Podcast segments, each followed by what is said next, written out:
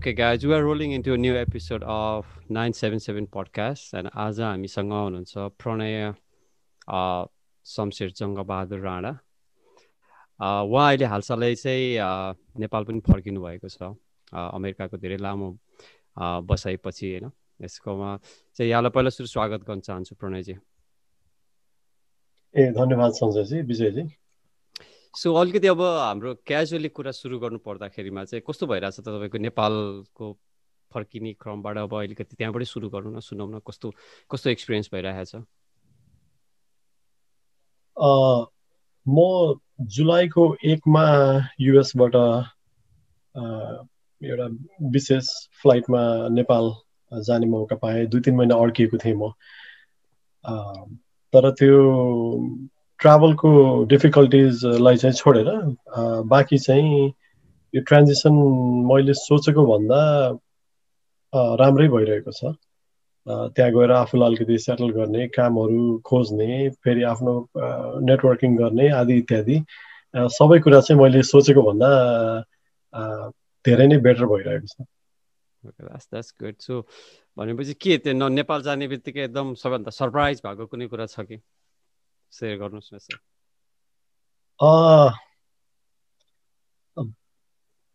दुई तिनवटा कुरा छ। एउटा चाहिँ अब सबैजनाले यो कुरालाई पोजिटिभ लिनु हुँदैन रहेछ। ह्या अब किन फर्केर आएको? उहाँ सबै कुरा थियो। पागल भइसक्यो क्या भन्ने समेत कुराहरू पनि थियो होइन? सो एउटा सरप्राइज चाहिँ त्यो थियो कि अब सबैजनाको त्यो यो स्वदेश फिर्तीलाई लिएर चाहिँ नि एउटै खालको हुन्छ नि तपाईँको रेस्पोन्स नआउँदो रहेछ अर्को चाहिँ जुन मान्छेहरू यहाँ ओहो नेपाल यत्रो वर्ष बाहिर बसेर नेपाल फर्किँदाखेरि त गाह्रो पो हुन्छ त नेटवर्कहरू केही पनि हुँदैन हुन्छ नि आफ्नो त्यो जब बसाल्न फेरि टाइम लाग्छ फेरि जिरोबाट सुरु गर्ने त्यसलाई हामी जुन त्यो एउटा एकदमै डिफिकल्ट प्रोसेसको रूपमा चाहिँ यहाँ पहिल्यै चाहिँ नि माइन्ड मेकअप गर्छौँ नि त्यस्तो पनि रहेनछ एक दुईजना साथीहरूसँग मेरो नयाँ एकदम बिल्कुलै नयाँ साथीहरूसँग चिन्जान भयो एक्चुली तपाईँहरूसँग जुन बेला मेरो त्यो लकडाउनको बेलामा चिन्जान भएको थियो लगभग त्यही बेलामा मार्च अप्रिलतिर असाध्यै राम्रो प्रोफेसनल नेटवर्कहरूले गर्दाखेरि एकदमै त्यो नेटवर्किङ लगायत आफ्नो अहिले म एक ठाउँमा पढाइरहेको छु त्यो ठाउँमा पढाउने काम आदि इत्यादि यो सबै कुरा सरप्राइजिङली मेरो लागि असाध्यै स्मुथ हुन गयो र त्यो त्यो चाहिँ मैले अब यहाँ धेरै मान्छेहरूले भनिरहेको सुनिरहेको भन्दा फरक पाएँ। अरू पनि धेरै कुरा छन् तर अहिलेलाई चाहिँ सुरुवात गर्नलाई यो कुराहरू चाहिँ मलाई अलिकति नौलो लागेको थियो। त्यही त अब फेरि तपाईँको त फेरि अलिकति फिल्ड पनि यो अब कन्फ्लिक्ट रिजोल्युसन पनि ब्याकग्राउन्ड भएको होइन। अनि त्यो भएर चाहिँ अलिकति एक दुईवटा कुराहरू चाहिँ हामीले त्यो विषयमा नि प्रवेश गर्न चाहन्छौँ होइन। त्यसमा चाहिँ विजयले अलिकति सुन्नुहुन्छ होला। तर तपाईँलाई पहिला सुरुमा चाहिँ नेपाल फर्किनु भयो होइन। अब धेरै लामो बसाइ यहाँ पनि धेरै तपाईँले पोलिसी लेभलहरूमा काम गरेर होइन त्यस हेल्थ पोलिसिजहरूमा पनि हाम्रो त्यो बेलामा कुरा भएको थियो। तपाईँ नेपाल जानुभन्दा अगाडि पनि होइन? सो यत्रो लेभलबाट काम गरेको अब नेपाल गइसकेपछि कस्तो भयो एक्सपिरियन्स सुन्न मन लाग्थ्यो? त्यो राम्रो उयो भयो। तर अब एउटा चाहिँ तपाईँको ब्याकग्राउन्ड चाहिँ कन्फ्लिक्ट म्यानेजमेन्टमा पनि भएको भएर हामीसँग चाहिँ त्यो त्यो कुराको तपाईँहरूले कन्फ्लिक्टलाई चाहिँ हाम्रो सोसाइटीमा चाहिँ कसरी हेरिरहनु भएको छ? अब यसमा पछि प अलिकति विजयले पनि क्वेसन राख्छ होला होइन? त्यसमा तर अलिकति यो कन्फ्लिक्टलाई तपाईँले कसरी हेर्नु भएको छ? नेपाली सोसाइटीको चाहिँ एउटा ओभरअल एउटा विभिन्न खालको कालखण्डमा हामी विभिन्न खालको कन्फ्लिक्टबाट गएको छौँ होइन? जस्तै आर्म रिभोल्युसनदेखि लिएर होइन? अब कहिलेकाहीँ छिमेकी मुलुकसँगको पनि कन्फ्लिक्टहरू होइन? त्यो सबै त्यो तपाईँले कसरी हेरिरहनु भएको छ? तपाईँको एउटा अब्जर्भेसन कन्फ्लिक्ट चाहिँ एउटा यो द्वन्द होइन? यो द्वन्द भन्नाले अब हामी धेरै धेरै जसो मान्छेहरूको बुझाइ चाहिँ यो चाहिँ आर्म्ड कन्फ्लिक्ट होइन? हतियार हतियार हात हतियार सहितको कन्फ्लिक्ट या द्वन्द भन्ने मात्रै बुझ्छौँ। तर त्यो होइन। विधानहरूमा हुने कन्फ्लिक्ट होइन? तपाईँको व्यक्ति व्यक्ति बिच हुने सामान्य कन्फ्लिक्ट परिवार बिच कम्युनिटीहरू बिच धर्महरू बिच हामी पोलिसी यो विधानहरू बनाउँदा हुने कन्फ्लिक्ट आदि सबै कुराहरूलाई चाहिँ नि हेर्दाखेरि चाहिँ कन्फ्लिक्ट भनेको चाहिँ एउटा सामान्य कुरा हो। एउटा यो नेचुरल प्रक्रिया नै हो यो प्रकृति। होइन जहाँ कन्फ्लिक्ट हुन्छ त्यहाँ नै फेरि नयाँ समाधानहरू पनि आउँछन्। होइन नयाँ तपाईँका विचारहरू नयाँ व्यवस्थाहरू पनि बन्छन्। अनि अब हो आर्म कन्फ्लिक्ट चाहिँ हुनु भएन होइन? तर कन्फ्लिक्ट आफैमा एउटा असाध्यै नराम्रो कुरा भन्ने जुन बुझाइ हुन्छ त्यो चाहिँ होइन। जस्तै कुनै अफिसमा तपाईँको चाहिँ नि प्रोसिज्युरल होइन? काम गर्ने सम्बन्धी अथवा म्यानेजमेन्ट कन्फ्लिक्ट होला। त्यो कन्फ्लिक्ट छ भन्ने थाहा भइसकेर त्यहाँ आवाज उठिसकेपछि चाहिँ नि कन्सर्न अथोरिटिजहरूले त्यसमा काम गर्नुभयो भने चाहिँ त्यो त्यसबाट एउटा नयाँ सिस्टम होइन? मोर इफिसियन्ट सिस्टम पनि जेनेरेट हुन्छ। सो यो कुराहरू चाहिँ नि अब कन्फ्लिक्टको सामान्य अब हाम्रो बुझाइमा हामीले हेर्नुपर्ने कन्फ्लिक्टलाई हेर्नुपर्ने धारणा चाहिँ यस्तो बनाउनु पर्छ। अब अहिले एकदमै छोटकरीमा तपाईँलाई सरसर्ती विभिन्न व्यवस्थाहरूको बिचमा अहिले नेपाली समाज चाहिँ जुन खालको एउटा मानसिक द्वन्द्व होइन? अनि त्यसपछि इन इन इन्टर पार्टी अब यो विभिन्न पार्टीहरूको बिचमा भइरहेको कन्फ्लिक्टहरू यो आदि इत्यादि सबै हेर्दा अब यसलाई पनि हामीले एउटा यो प्रक्रिया नै हो होइन? प्रकृतिको नियम नै हो। त्यसरी हेर्नु पर्यो। तर यो भन्दा भन्दै चाहिँ यो लिडरसिप यो लिडरसिपले चाहिँ नि आफूले गर्नुपर्ने काम होइन? यो नगर्दाखेरि चाहिँ नि धेरैभन्दा धेरै कन्फ्लिक्टहरू चाहिँ अहिले आइरहेको छ। जनमानसमा चाहिँ त्यो ल्याक अफ कन्फिडेन्स आफ्नो सरकारप्रति कन्फिडेन्स नभइरहेको अब पार्टीहरू भित्रै पनि मान्छेहरूलाई चाहिँ आफ्नो पार्टीको लिडरसिपमा चाहिँ अहिले हामी धेरै ठाउँमा देखिरहेछौँ। त्यो कन्फिडेन्स नभएको आदि इत्यादि चाहिँ यो डेलिभरी गर्न नसकेको कारणले गर्दा किनभने कन्फ्लिक्ट भनेकै एउटा अग्रिमेन्ट के नहुँदाखेरि अग्रिमेन्ट अनुसारको काम नहुँदा हुने हो। होइन तपाईँको र मेरो बिचमा एउटा अग्रिमेन्ट भयो। होइन त्यो अग्रिमेन्ट चाहिँ हामी दुईजना मध्ये एकजनाले ब्रेक गऱ्यौँ भने अब के हुन्छ त्यहाँ द्वन्द्व सुरु हुन्छ। त्यसरी नै अब अहिले हालको सरकारले एउटा स्थायी सरकार आएपछि के के नहुन्छ भन्ने जनताले चाहिँ अब भ्रष्टाचारबाट मुक्ति पाउने सुशासन पाउने आदि इत्यादि एउटा एउटा एग्रिमेन्ट जस्तो थियो नि होइन? मान्छेले त्यो तपाईँको चाहिँ नि घोषणा पत्र अनुसार चाहिँ नि रुचाएर भोट हालेर ल्याइदिएको भएर अनि अहिले त्यो आफूले गर्नुपर्ने कामहरू नगरिदिँदाखेरि चाहिँ नि अहिले समग्र देशमै नै कन्फ्लिक्ट भइरहेछ र यो कारणले गर्दाखेरि पनि मान्छेलाई पुरानो व्यवस्थाप्रति सहानुभूति भइरहेको छ। अहिले अब तपाईँहरूले देखिरहनु भएको छ सडकमा चाहिँ नेपाल अधिराज्यभरि राजा औ देश बचाउ भन्ने चाहिँ भइरहेको छ। किन भइरहेछ त यो होइन? यो म चाहिँ यसलाई एउटा कन्फ्लिक्टको लेन्सबाट एउटा जे हो त्यही त्यो कुरालाई चाहिँ नि यो किन कसरी भन्ने कुरा बुझ्न खोज्दा चाहिँ यो किन भइरहेछ भन्दाखेरि कुरा त्यही हो होइन? अहिलेको अभिभावक जुन यो द्वन्द्वकाल यत्रो चाहिँ सत्र अठार हजारजना मान्छे मरेर ल्याएको व्यवस्था होइन? तपाईँको नेपालको संरचना नै चेन्ज भयो होइन? अब अहिले हामी सङ्घीय लोकतान्त्रिक गणतन्त्रको मोडलमा गयौँ। प्रदेश अहिले सरकारहरू छ अब यतिको डिसेन्ट्रलाइज नेपाल कहिले पनि भएको थिएन तर यतिको हुँदाखेरि पनि हाम्रा अहिलेका भनिएका अभिभावकहरूले आफ्नो काम नगर्दाखेरि जनताले फेरि के गरिरहेछन् त नयाँ या पुरानो अभिभावकहरू चाहिँ खोजिरहनु भएको छ। होइन? यही हो। अहिलेको नेपालको यथास्थितिको द्वन्द्व चाहिँ नि मैले यसलाई यसरी नै हेरिरहेको छु। इन्ट्रेस्टिङ मैले मैले चाहिँ कहाँबाट स्टार्ट गरौँ भन्ने भइरहेको थियो कि तपाईँसँग अब पडकास्ट बनाउने भन्ने भएपछि होइन? अनि कन्फ्लिक्ट भन्ने अब उसमा तपाईँले कन्फ्लिक्ट म्यानेजमेन्ट अब पिएचडी नै गरिसक्नु भएको छ। नेपालमा आर्म फोर्समा सर्भ पनि गर्नुभएको छ होइन? एक्टिभली पार्टिसिपेट पनि हुनुभयो होइन? अब त्यो हुँदाखेरि चाहिँ हामीलाई चाहिँ यो कन्फ्लिक्ट रिजोल्युसन कन्फ्लिक्ट म्यानेजमेन्टको एउटा इन्साइक्लोपिडिया नै हात पर्या जस्तो फिल भएको थियो कि। अनि अब हामीले यसलाई कसरी चाहिँ स्टार्ट गर्ने भन्नेमा चाहिँ सोचिरहेको थिएँ। अब त्यो सोच्दै जाँदाखेरि चाहिँ के भयो भने अब हामीले हामीले हाम्रै जीवनकालमा पनि हामीले विभिन्न किसिमको घटनाक्रम नेपालमा देख्यौँ होइन। छयालिस सालको त्यसपछि माओवादी जनयुद्ध त्यसपछि अब राजा फ्याँक्ने खालको अर्को जनआन्दोलन होइन।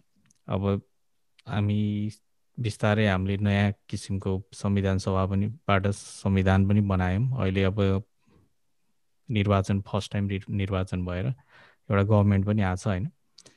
अब यो सब दौरानमा हाम्रो समाज त कन्टिन्युस कुनै न कुनै द्वन्द्व त्यसको प्रत्यक्ष अप्रत्यक्ष होइन? परोक्ष अपरोक्ष रूपमा त धेरै परिवारहरू पिल्सिएर गयो नि त होइन? अनि अब स्टार्ट चाहिँ हाम्रो बेस्ट चाहिँ अब हामी जति पछाडि फर्के पनि हामीसँग टन्नै कन्टेन्टहरू छ जस्तो लाग्छ होइन? मलाई चाहिँ अब तपाईँ पनि आफू एउटा पक्ष भएर लडिसके लडाइँ पनि भएको हुनाले होइन त्यो माओवादी द्वन्द्वबाट नै हाम्रो कुराहरू सुरु गरौँ जस्तो लाग्छ होइन। अनि त्यो त्यसलाई पहिला एकचोटि हेरौँ होइन त्यो अहिले पनि मलाई चाहिँ किन किन माओवादी द्वन्द्व अब बैसठी त्रिसठी अहिले अब त्यो बेलामा जन्मेको बच्चा पनि पन्ध्र सोह्र वर्षको भइसक्यो दुई वर्षपछि उसले भोट हाल्छ होइन? जो मान्छेले राजतन्त्र देखेकै पनि छैन कि। अब उसले राजतन्त्रको पक्षमा हाल्ला नहाल्ला त्यो अर्कै कुरा। बट भन्न खोजेको यत्रो टाइम भइसक्यो होइन? तर पनि त्यो द्वन्द्वको एन्ड भएको छैन। एन्ड इन अ सेन्स कि हामी सत्य निरूपण आयोग भन्ने बन्ने बनाएको थियो होइन? त्यसपछि चाहिँ त्यो बेलामा हराएका पीडित भएका अपाङ्गहरू भएका मान्छेहरूको चाहिँ एउटा रिजोल्युसन हुनपर्ने थियो कि। त्यहाँ अब जति पनि पीडितहरू छन् होइन? अब त्यो अहिलेसम्म पनि नभएर विभिन्न किसिमको फेरि सबै किसिमको सरकारहरू आइसक्यो होइन। अहिलेसम्म पनि भएको छैन र त्यो बेला बेलामा हाम्रो अन्तर्राष्ट्रिय समूह समुदायले चाहिँ त्यसमा यो गरेको छैन भनेर सम्झाएर नेपाललाई कता कता त्यो झकझकाइ पनि रहेको हुन्छ क्या। यो कुरालाई चाहिँ तपाईँले एउटा द्वन्द्व व्यवस्थापनको एउटा विज्ञको रूपमा हेर्दाखेरि होइन हाम्रो यो घाउ चाहिँ अझ कति परसम्म जान्छ कि? यो किन रिजोल्युसनतिर गइरहेको छैन होइन? तपाईँलाई कस्तो लागिरहेछ यसको? यो एकदमै इम्पोर्टेन्ट विषय चाहिँ उठान गर्नुभयो। मैले नेपाल गए लगत्तै एउटा अन्तर्वार्तामा पनि यो कुरा गरेको थिएँ। अहिले भाइरस तपाईँको बिकाउनको लागि चाहिँ यो चाहिँ एउटा एकदमै मोडल पिस प्रोसेस भयो। अनि भनौँ न यसरी चाहिँ नि कन्फ्लिक्टिङ पार्टिजहरू मिलेर एउटा राज संस्थालाई चाहिँ नै हटाएर अहिले चाहिँ एउटा एउटा पिस मोडलमा आयो भनेर बाहिर बिकाउने कुरा चाहिँ एउटा भयो। तर त्यतिखेरको नेताहरूले जसरी यो हाम्रो पिस प्रोसेसलाई चाहिँ एउटा सफलताको रूपमा चाहिँ सेल गर्न खोज्नु भएको थियो त्यो तुरुन्तै त्यो त्यो भनौँ न एउटा बिकाउ वस्तु हुन सकेन। किनभने त्यसपछिको जुन त्यो कन्टिन्युस होइन भ्रष्टाचार यो द्वन्द्वको द्वन्द्वमा चाहिँ एउटा फेज हुन्छ कि होइन? अब तपाईँको त्यो फेजमा एउटा पिकमा गएर जब चाहिँ नि सिचुएसन चाहिँ अब यो समाधानको लागि चाहिँ नि अलिकति राइटनेस भन्छौँ हामी त्यसलाई होइन। केही कुराहरू त्यहाँ हुन्छन् जसले गर्दा चाहिँ अब सिचुएसन बेटर हुने खालको भएपछि त्यहाँ कुनै खालको इन्टरभेन्सन हुन्छ। त्यो इन्टरभेन्सन पछि अब हामी एउटा शान्ति प्रक्रिया अब पिस प्रोसेसमा लाग्छौँ नि होइन? त्यो पिस प्रोसेस चाहिँ जतिजना पनि अलिकति बुझ्ने उमेरका थियौँ हामीहरू त्यो हामीले चाहिँ के भन्न सक्छौँ भन्दा त्यो पिस प्रोसेस चाहिँ असाध्यै नै भ्रष्टाचारले भरिएको होइन? एकदमै नेपाली जनताहरू माझमा चाहिँ नि फुट लिएर आउने पहिचानको राजनीति घुसाइएको। त्यो होल फेजभरि त्यो पिस प्रोसेसको पुरै एन्टायर फेजमा चाहिँ यो खालको चाहिँ नि एक्सर्साइजेसहरू भयो हाम्रो देशमा। यो त युएनले नै कोअर्डिनेट गरेको पिस प्रोसेस थियो होइन? यो तपाईँले गम्भीर कुरा गरिरहनु भएको छ।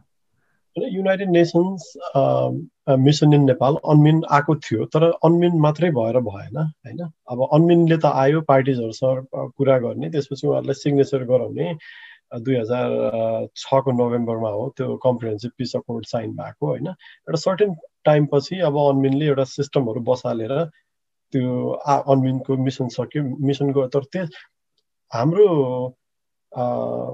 त्यतिखेरका राजनैतिक दलहरू होइन? अब अहिले कति मर्ज भइसकेका छन् कति हराइ पनि सके होलान् उहाँहरूले वास्तवमै त्यो पिस अकोर्डमा भनेका कुराहरू गर्नुभयो त जुन यो शान्ति प्रक्रिया कम्प्लिट हुनको लागि त त्यो गरेको हुनु पर्थ्यो जस्तै सेना समायोजन होइन? त्यो चाहिँ नि एक्चुली असाध्यै राम्रो भएको हो होइन? त्यसमा हामी अहिले फेरि अरू पनि कुरा गरौँ तर हराएका होइन? मारिएका मान्छेहरूको लागि त्यो हाम्रो सत्य निरूपण चाहिँ आयोग अहिले कहाँ छ त के छ त उसको रिपोर्ट्सहरू के भइरहेछ होइन? त्यो त्यो केही पनि भएको छैन। त्यो कुराहरूमा चाहिँ नि सरकार गम्भीरतापूर्वक लागेकै छैन। त्यो मान्छेहरू सबैजना सरकारमै छन् या चाहिँ प्रतिपक्षमा थिए यो होल टाइम होइन? अब सेना समायोजन त भयो तर सेना समायोजन बाहेक कम्युनिटीमा चाहिँ नि त्यो पूर्व लडाकुहरू जो सेना मा इन्टिग्रेट हुन सक्नु भएको थिएन उहाँहरूलाई चाहिँ नि कम्युनिटीमै रिइन्टिग्रेट गर्नुपर्ने थियो जसको लागि चाहिँ उद्यमशील तालिमहरूको लागि या चाहिँ केही व्यवसाय गर्नको लागि उहाँहरूलाई चाहिँ एउटा प्याकेज दिइएको थियो विदेश जानको लागि। के भयो त्यसबाट? पार्टी फन्डको लागि चाहिँ नि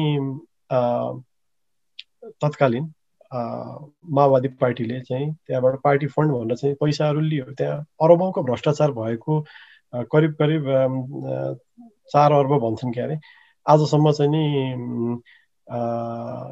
पुष्पकमल दाहाल प्रचण्डले त्यसको जवाफ दिन सक्नु भएको छैन। होइन? सो म चाहिँ के भन्छु भन्दा जुन स्थितिमा अहिलेको स्थायी सरकारले आएर पनि जुन खालको डेलिभरी दियो नि यसले गर्दा र शान्ति प्रक्रियाका बुदामा भएका कुराहरू जुन यो हराएका मारिएकाहरूको चाहिँ नि यो सत्यनिरूपण आयोगले गर्नुपर्ने कामहरू यो आदि इत्यादिहरू यो नभएकोले हामी अहिले पनि वास्तवमा भन्नुपर्दा चाहिँ अहिले पनि हामी ट्रान्जिसनमै छौँ भन्छु क्या म चाहिँ। हामी त्यो प्रक्रिया हामी ट्रान्जिसनबाट वास्तवमा स्थायित्वतिर चाहिँ नि त्यो चुनावले गर्दा मात्रै गएको जस्तो देखिएको तर एउटा प्रोसेसको हिसाबले भन्ने भए चाहिँ हामी ट्रान्जिसनमै छौँ जस्तो लाग्छ। यसमा चाहिँ मलाई अलिकति एड गर्नु मलाई चाहिँ कुरा के हो भने होइन सो इज दिस अब कन्फ्लिक्ट हेर्दा त हाम्रो लागि हाम्रो समाजलाई नराम्रो भयो होइन। त्यसमा कुनै अब कन्फ्लिक्ट जहिले पनि जुन ठाउँमा हुन्छ जो लडे पनि आखिरमा लडाइँ मैदान त जहाँ जुन चिजमा कन्फ्लिक्ट भएको छ त्यो ठाउँ जस्तै अब हामी घरमै झगडा गऱ्यो भने पनि त्यहाँ घरमा बस्ने व्यक्तिलाई समस्या हुन्छ तब त्यो घरका भित्ताहरू चर्किन्छ होइन?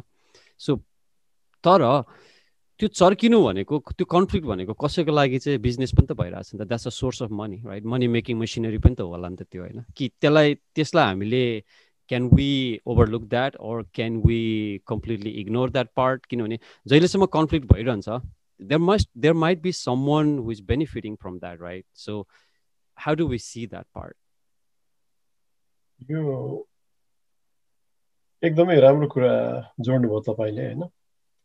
कन्फ्लिक्टिङ कन्फ्लिक्टमा चाहिँ यो कन्फ्लिक्टिङ पार्टिज एउटा हुन्छ होइन? जो चाहिँ नि वास्तवमै एक दुई तिन चार होइन त्यो जति पनि हुन सक्छन् तिनीहरू चाहिँ एक्चुअल्ली एकअर्कासँग द्वन्द्वमा हुन्छन् कि। अब त्यसपछि द्वन्द्वरत पार्टिजहरूभन्दा बाहिर इन्ट्रेस्टेड पार्टिजहरू हुन्छन् कि यिनीहरूलाई स्पेसल इन्ट्रेस्ट पार्टिज पनि भन्छौँ हामी। तीमध्ये कोही चाहिँ वास्तवमै वर्ल्ड पिसको लागि अथवा रिजनल पिसको लागि चाहिँ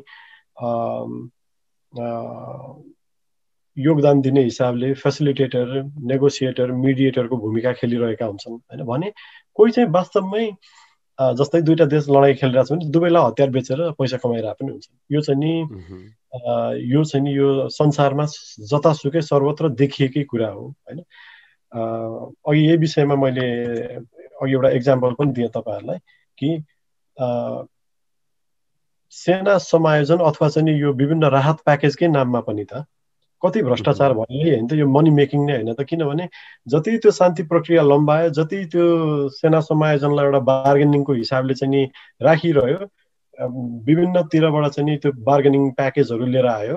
अनि त्यसपछि नभएको नम्बर चाहिँ तिस हजार छ हाम्रो बत्तिस हजार फौज भने वास्तवमा रहेछ आठ हजार होइन? त्यो त्यो इमेज च्यानलको एउटा भिडियोमा पनि देख्नुहुन्छ तपाईँहरूले। त्यहाँ प्रत्यक्ष भन्नुभएको छ कि है हामीले यसरी नम्बर बढायौँ भने बरु घटाउँदा घटाउँदा यतिसम्म चाहिँ समायोजन होला। पहिल्यै यति भने भए त हामी कति हुन्थ्यौँ होला भन्ने समेतका कुराहरू हामी सब सबैले लाइभ भिडियोहरू देखेका छौँ। भनेपछि यो सर्टेन पार्टिज सर्टेन पार्टी भन्दा मैले यो राजनीतिक पार्टी भनेको भने कन्फ्लिक्टिङ पार्टीको लागि त यो अभियसली यो तपाईँको यो बिचमा के भयो भन्दाखेरि यतिवटा सरकार चेन्ज भयो कोही छ महिना कोही एक वर्ष होइन कहिले एमालेको कहिले काङ्ग्रेसको कहिले माओवादीको पालो गरी गरी चाहिँ नि यो संविधान नबनुन्जेलसम्म पालो गरी गरी राज गरेर जुन लेभलको भ्रष्टाचार र अकाउन्टे भ्रष्टाचार भएको र अकाउन्टेबिलिटी नभएको अवस्था छ नि देशमा त्यो सबैले कमायो कि कमाएनन् भन्नुहोस् त यो यो होल ट्रान्जिसन प्रोसेसबाट र आज मैले क्वेसन पनि त्यही नै ठ्याक्क भन्न खोजेँ कि घाटा लाग्यो त कसलाई भन्दाखेरिमा त त्यो अहिले जो जो युवाहरू अहिले मिडल इस्टमा गएका छन् उसलाई घाटा लाग्यो होइन? देशलाई घाटा लाग्यो होइन? तर त्यहाँ त there are lot of people making money out of like कतिको मान्छेको त जागिर त्यो त्यो अनमिनको अब अनमिन नभनौँ होइन? अथवा त्यो शान्ति प्रक्रियाको क्रममा कति पैसा भित्रियो कतिको त लाइफ बन्यो त्यहाँ कतिले घर बनायो होला। होइन अब जस्तै हेरौँ अब माओवादीहरूकै नेतृत्वहरूकै कुरा गर्ने हो भने चप्पल लाएर हिँड्नेहरू रातारात उनीहरू चाहिँ महल ठडाउनेसम्म पुग्यो भनेपछि त it was I mean eventually त हाम्रो कस्टमा चाहिँ देशको कस्टमा र हाम्रो युवाहरूको कस्टमा चाहिँ there are lot of people they became rich I mean in a way some people made money अब इभन इनसाइड पार्टी भनौँ इभन त्यो कन्फ्लिक्टिङ पार्टीहरू फाइट गर्ने पार्टीलाई पनि फाइदा भएको देखियो होइन? अब त्यो त्यसका कुनै सानो पार्टीलाई चाहिँ घाटा भएको देखियो। तर there are so many other other parties उनीहरूलाई त it became like a boon for them भनेपछि त अघि विजयले सोधेको क्वेसनमा आउँदाखेरिमा चाहिँ why would they end it क्या? मेरो चाहिँ क्वेसन एउटा लाटो बुद्धिले हेरेर चाहिँ होइन इफ त्यहाँबाट सबलाई फाइदा भइरहेछ भने why would someone end that कि त्यो गाई दुने गाईको त त्यो दा दुने गाईलाई त मार्दैन नि त कसैले पनि त्यहाँबाट दुध आइरहेछ बेचिरहन पाइरहेछ त्यसकोमा काम गरिरहन पाइरहेछ भने why would they do it क्या? एज अ कमनर क्या एउटा एकदम एकदम लेम्यान भएर मैले प्रश्न सोधेको होइन यसलाई यसरी हेर्दा पनि हुन्छ। वास्तवमै सकियो त भने यसरी एकचोटि यसरी आफूले आफूलाई हामीले क्वेसन सोध्यौँ भने मैले अघि भने नि हामी ट्रान्जेक्सनमै छौँ। मलाई त्यो सकिएकै छैन भन्छु क्या म। किनभने छैन मुद्दाहरू एउटा सकियो अर्को उठिरहेछ। अब आज यो व्यवस्था बल्ल बल्ल बनाएको छ फेरि यो सङ्घीय सिस्टम पनि ठिक छैन भनेर मान्छे उफ्रिन थालिसके। मान्छेहरू पुरानो व्यवस्थाप्रति सहानुभूति देखाएर चाहिँ सडकमा आउन थालिसके भनेपछि खोइ त हामीले वास्तवमा स्थायी शान्ति पायौँ त। भर्खरै स्थायी सरकार आएको यो लेभल अफ के अरे तपाईँको डिसअर्गनाइजेसन त देखिन नहुने थियो नि त होइन? भनेपछि त्यसै भए त्यही लाइनमा मैले क्वेसन सोध्न खोजेको चाहिँ होइन? सो भनेपछि त why would they end it सकाएर शान्ति आएपछि त सबको घरबार विहीन हुन्छ नि? त्यहाँ त उनीहरूको मनी मेकिङ भइरहेको मेसिनरीमा चाहिँ त उनीहरूले त गर्न पाउँदैन। त्यो भएर पनि हो त भनेर सोध्न पाइन्छै पाइँदैन। भने यो it might sound like a conspiracy theory होइन? लाइक कन्सपिरेसी थ्योरी जस्तो देखिन्छ। तर can we like overlook that के मेरो क्वेसन चाहिँ त्यहाँनिर कि त्यो त्यो त एन्ड कसैले पनि गर्दै गर्दैन होला नि त। यस्तो हो अब फेरि त्यो त्यो कुनै पनि कजमा कुनै पनि कालखण्डमा कुनै पनि कजमा सबैजना मान्छे रङ इन्टेन्सन्सले मात्र आउँछन् भन्ने हुँदैन होइन? अब कन्फ्लिक्टको नेचर पनि के हो भन्दाखेरि सुरुमा कन्फ्लिक्ट एउटा कुराले भएको हुनसक्छ। र ओभर टाइम अब सानो सानो कन्फ्लिक्टहरू भनेको जस्तै र तपाईँको र मेरो बिच चाहिँ नि अब घरासी केही अब अंशको कुरामा या चाहिँ नि तपाईँ र म छिमेकी तपाईँको र मेरो जग्गाको विषयमा कन्फ्लिक्ट भयो भने चाहिँ त्यसमा चाहिँ एउटा चलिआएको होइन नियम कानुन अब्जेक्टिभ क्राइटेरिया अनुसार नापी ल्याएर नापेर होइन हाम्रो चाहिँ त्यो त्यस्तो कन्फ्लिक्ट चाहिँ खास सिम्पल हुन्छ होइन। तर यो आइडेन्टिटी यो देशको व्यवस्था जस्तै अब अब हिन्दू राज्यबाट अब अहिले धर्मनिरपेक्ष भएकोमा चाहिँ यहाँ चाहिँ मान्छेहरूको आइडेन्टिटीहरू इन्भल्भ भएको ठाउँमा चाहिँ यी चिजहरू चाहिँ एकदमै डिप रुटेड के? यिनीहरूको जरा एकदमै तलसम्म गएको यो कन्फ्लिक्ट चाहिँ नि अब भनौँ न मैले त्यो भने नि हामी ट्रान्जेक्सनको यत्रो वर्ष दुई हजार पाँचदेखि आज दुई हजार बिस पन्ध्र वर्षमा पुगिसक्यौँ तर मान्छेहरूलाई अझै पनि पुरानो व्यवस्थासँग होइन? अझै पनि सहानुभूति हुनुको केही कारणहरू छन् क्या त्यसले गर्दाखेरि चाहिँ अब यो कन्फ्लिक्ट किन सक्यो होला भन्नेमा चाहिँ अब यस्तो पनि छ।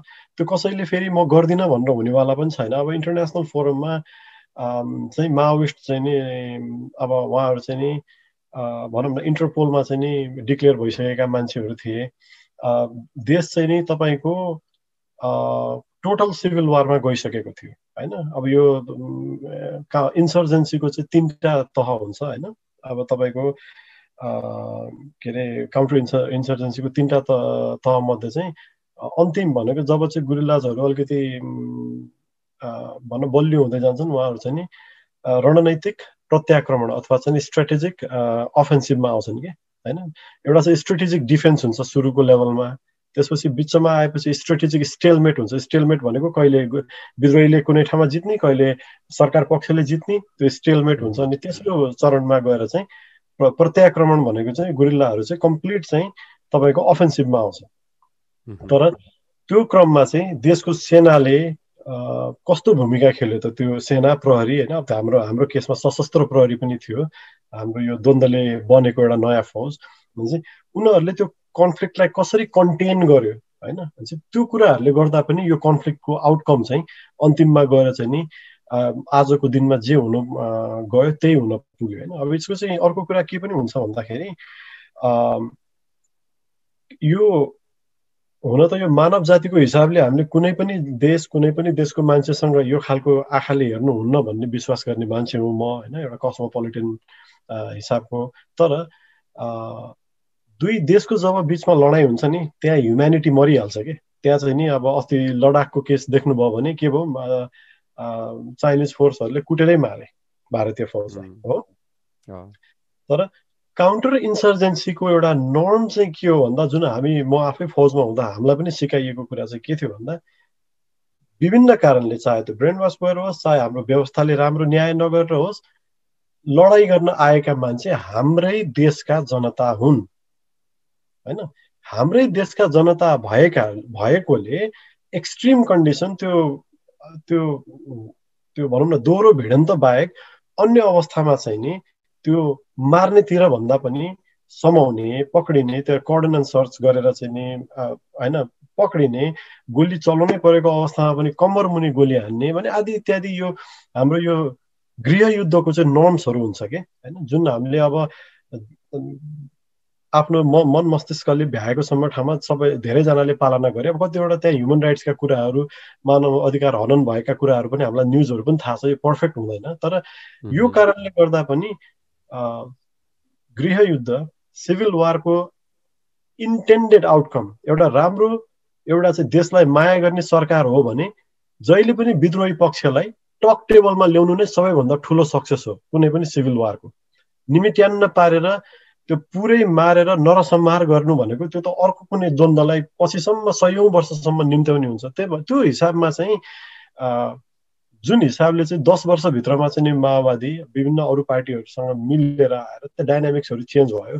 पहिला माओवादी पार्टीको उसले फाइट गरेकै करप्ट डेमोक्रेटिक पार्टिजहरूसँग होइन त्यो व्यवस्थासँग होइन पछि गएर उनीहरू एक भएर राजाको अगेन्स्टमा गए त्यो कन्फ्लिक्टको डाइनामिक्सहरू रिलेसनसिपहरू चेन्ज भयो। तर आउटकम चाहिँ जे हामीले पायौँ नि त्यो चाहिँ एउटा सिभिल वारमा हामीले खोज्ने आउटकम चाहिँ हामीले पाएको हो। त्यही भएर अब यो यो सकिनुको कारण चाहिँ मैले अलिकति लामो भने यसमा तर यो सकिनुको कारण चाहिँ अलरेडी वारमा होमिसकेको भएर वारको आउटकम भनेको होइन कि तपाईँको विन एन्ड लुज हुन्छ एउटा पार्टीले कम्प्लिटली जित्छ अर्कोले हार्छ होइन? अब अर्को लुज लु के अर्को चाहिँ नि तपाईँको लुज लुज हुन्छ दुवै पार्टी अब ले केही न केही हिसाबले उसले पनि आफ्नो उपलब्धि पाउँदैन उसले पनि पाउँदैन होइन? अब अर्को चाहिँ दुइटै पार्टीको विन विन हुन्छ होइन? अब हामीले वास्तवमै के पायौँ भनेर अब यो होलिस्टिकल्ली हेर्दा चाहिँ नि मलाई म अहिले ठ्याक्कै यही भन्न चाहिँ भन्न सक्दिनँ तर एटलिस्ट त्यो गृहयुद्ध जुन समाप्त भएर सिज फायर भएर पिस प्रोसेसमा जानु चाहिँ नि त्यतिखेरको भनौँ न एउटा चाहिँ विन विन नै सिनेरी थियो किनभने यतापट्टिको मरे पनि उतापट्टिको मरे पनि आखिर नेपाली जनता नै मर्नेवाला थिए होइन? यही हो। यो यो विभिन्न कारणहरूले गर्दा चाहिँ नि कुनै पनि द्वन्द होइन को एउटा न एउटा पाटो एउटा न एउटा कालखण्डमा आएर सकिन्छ होइन? भर त्यसबाट नयाँ कन्फ्लिक्ट चाहिँ सुरु हुन्छ जस्तै हाम्रोमा नि भइरहेछ होइन? नयाँ कन्फ्लिक्टहरू चाहिँ आउँछन्। अब त्यसले उग्र रूप लिन्छन् कि त्यसलाई मध्यम रूपमै तिनीहरूलाई म्यानेज गरिन्छ भन्ने चाहिँ फरक कुरा हो। तर आई गेस अब यो तपाईँको क्वेसनको एन्सर भयो होला सायद मेरो सामान्य बुझाइबाट चाहिँ विजयको के छ भने त्यही त ब्याक टु सेम होइन जुन यो द्वन्द्व अहिले पनि एन्ड भएको छैन होइन अब यो के भयो भने चाहिँ एन्ड हुन्छ कि अब जस्तो अब सिधा कुरो सिधा बुझ्दाखेरि त अब यो सत्य निरूपण आयोगले राम्रोसँग काम गरेर आफ्नो काम सिध्यायो भने नै सकिन्छ भन्ने भन्नुहुन्छ होला होइन अब तर सोध्न खोजेकै का कुरा चाहिँ के हो भने त्यसले काम नगर्नको लागि अथवा हामी जनताहरूले के गर्न सक्नु गर्नुपर्छ? अब नेताहरूले त डेफिनेटली रोक्न खोजेरै त्यो रोकिरह होला होइन? अब यो अड्की चाहिँ किन रहेछ र यसलाई के यस्तो कहिलेसम्म तन्काउन पाउँछ लिगल्ली भन्न खोजेको कि यो मतलब सदैव यस्तै राखिरहनु त पक्कै मिल्दैन होला होइन? अब कहिलेकाहीँ हल्लाहरू पनि सुनिन्छ कि यो यसलाई चाहिँ निरूपण नगरेको भएर होइन हाम्रो यो नेता त्यो नेतालाई चाहिँ अन्तर्राष्ट्रिय अदालतमा उभ्याइन्छ। नेताहरूले पनि म त्यो सामना गर्न रेडी छु भने हुन्छ होइन। अनि कसैले अठार हजार मान्छे मारिस भनेर भनेर हुन्छ पाँच हजार कि पन्ध्र हजारको चाहिँ जिम्मा लिन्छु म भनेर फेरि नेताले भनेर हुन्छ होइन। अब यो भन्ने आरोप लाउने हुने यथार्थहरू आफ्नो ठाउँमा छ। तर एक्ज्याक्टली अब हामीसँग एज अ नेपाली सिटिजन होइन हामीसँग हामीले चाहिँ के गर्न सक्छौँ जसले गर्दा चाहिँ यो सत्य निरूपण आयोगले चाहिँ राम्रोसँग काम गरोस्? अर मेबी यो सत्य निरूपण आयोग चाहिँ हाम्रो वे आउट होइन। हामीले समथिङ एल्स गर्नुपर्छ। मेबी सर्वोच्चमा मुद्दा हाल्नुपर्ने हो कि सडकबाट आन्दोलन गर्नुपर्ने हो कि जनताले होइन। यो कसरी चाहिँ सिद्ध्याउन सकिन्छ कि यसमा म के भन्न चाहन्छु भन्दा हामी यो सत्य निरूपण आयोगमा चाहिँ मात्रै नअड्क्यौँ होइन? किनभने त्यो त एउटा सानो मुद्दा हो होइन? क्यान्टोनमेन्ट माओवादी लडाकुहरू बसेका शिविरहरू क्यान्टोनमेन्टहरूको भ्रष्टाचार अघि मैले भने त्यहाँ अरबौँको भ्रष्टाचार छ होइन? अब अन्तिममा त जनता नै जनार्दन हुन् होइन? जनताले गर्न सक्ने भने दुईवटा कुरा कि चाहिँ नि अब चेतनशील भएर विवेकशील भएर चाहिँ डेलिभरी गर्न सक्ने पार्टीलाई नेता लिडर्सहरूलाई भोट दिने हो। अब कहिलेकाहीँ फेरि त्यो घोषणा पत्रमा र के अरे प्रमिसेसहरूमा मात्रै चुनावी अभियानहरूमा मात्रै आए बाचा कसम चाहिँ नि सीमित गर्ने त्यसपछि पावरमा आएपछि केही पनि नगर्ने भएपछि अब अहिले जुन हामीले नेपालमा देखिरहेछौँ सानो सानो सानो सानो मुभमेन्टहरू अब यो लगातार भइरहेका छन् होइन? अब इनफ इज मुभमेन्ट पनि लगातारै भयो। अहिले यो बलात्कार विरुद्धका के अरे अभियानहरू विभिन्न धेरै अभियानहरू आइरहेको छन् अब जनताले चाहिँ यो चेक एन्ड ब्यालेन्स गर्ने जिम्मा जनताकै छ जनताको हातमा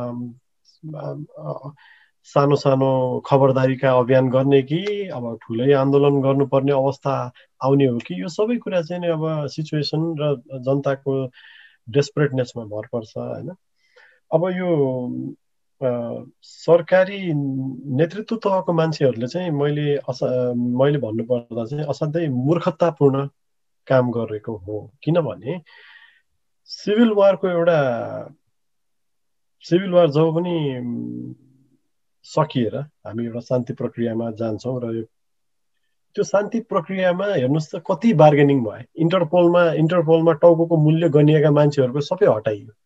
त्यो किन भन्दाखेरि यो एउटा इन्टरनेसनल बडीले आएर त्यहाँ रेकगनाइज गरेर ल अब चाहिँ दुवै पार्टीहरू आए भनेपछि यो द्वन्द्वको बेलामा भएका हत्या हिंसा आदि धेरै कुराको चाहिँ नि एमनेस्टी नै पाइन्छ पाउँछन् क्या उनीहरूले।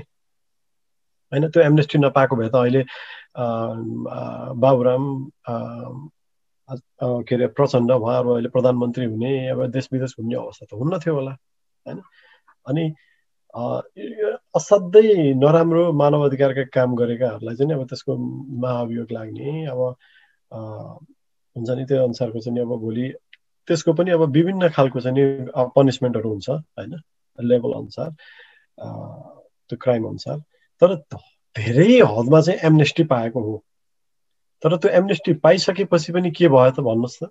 भन्दाखेरि ट्रान्जिसनल फेजमा चाहिँ फेरि अरू एक्स्ट्रा जुडिसियल मर्डरहरू हत्या हिंसा भए र त्यसलाई फेरि हाम्रा नेताजीहरूले बचाइदिने होइन? आदि कतिजना मर्डररहरू अहिले सभासद हुनुहुन्छ होइन?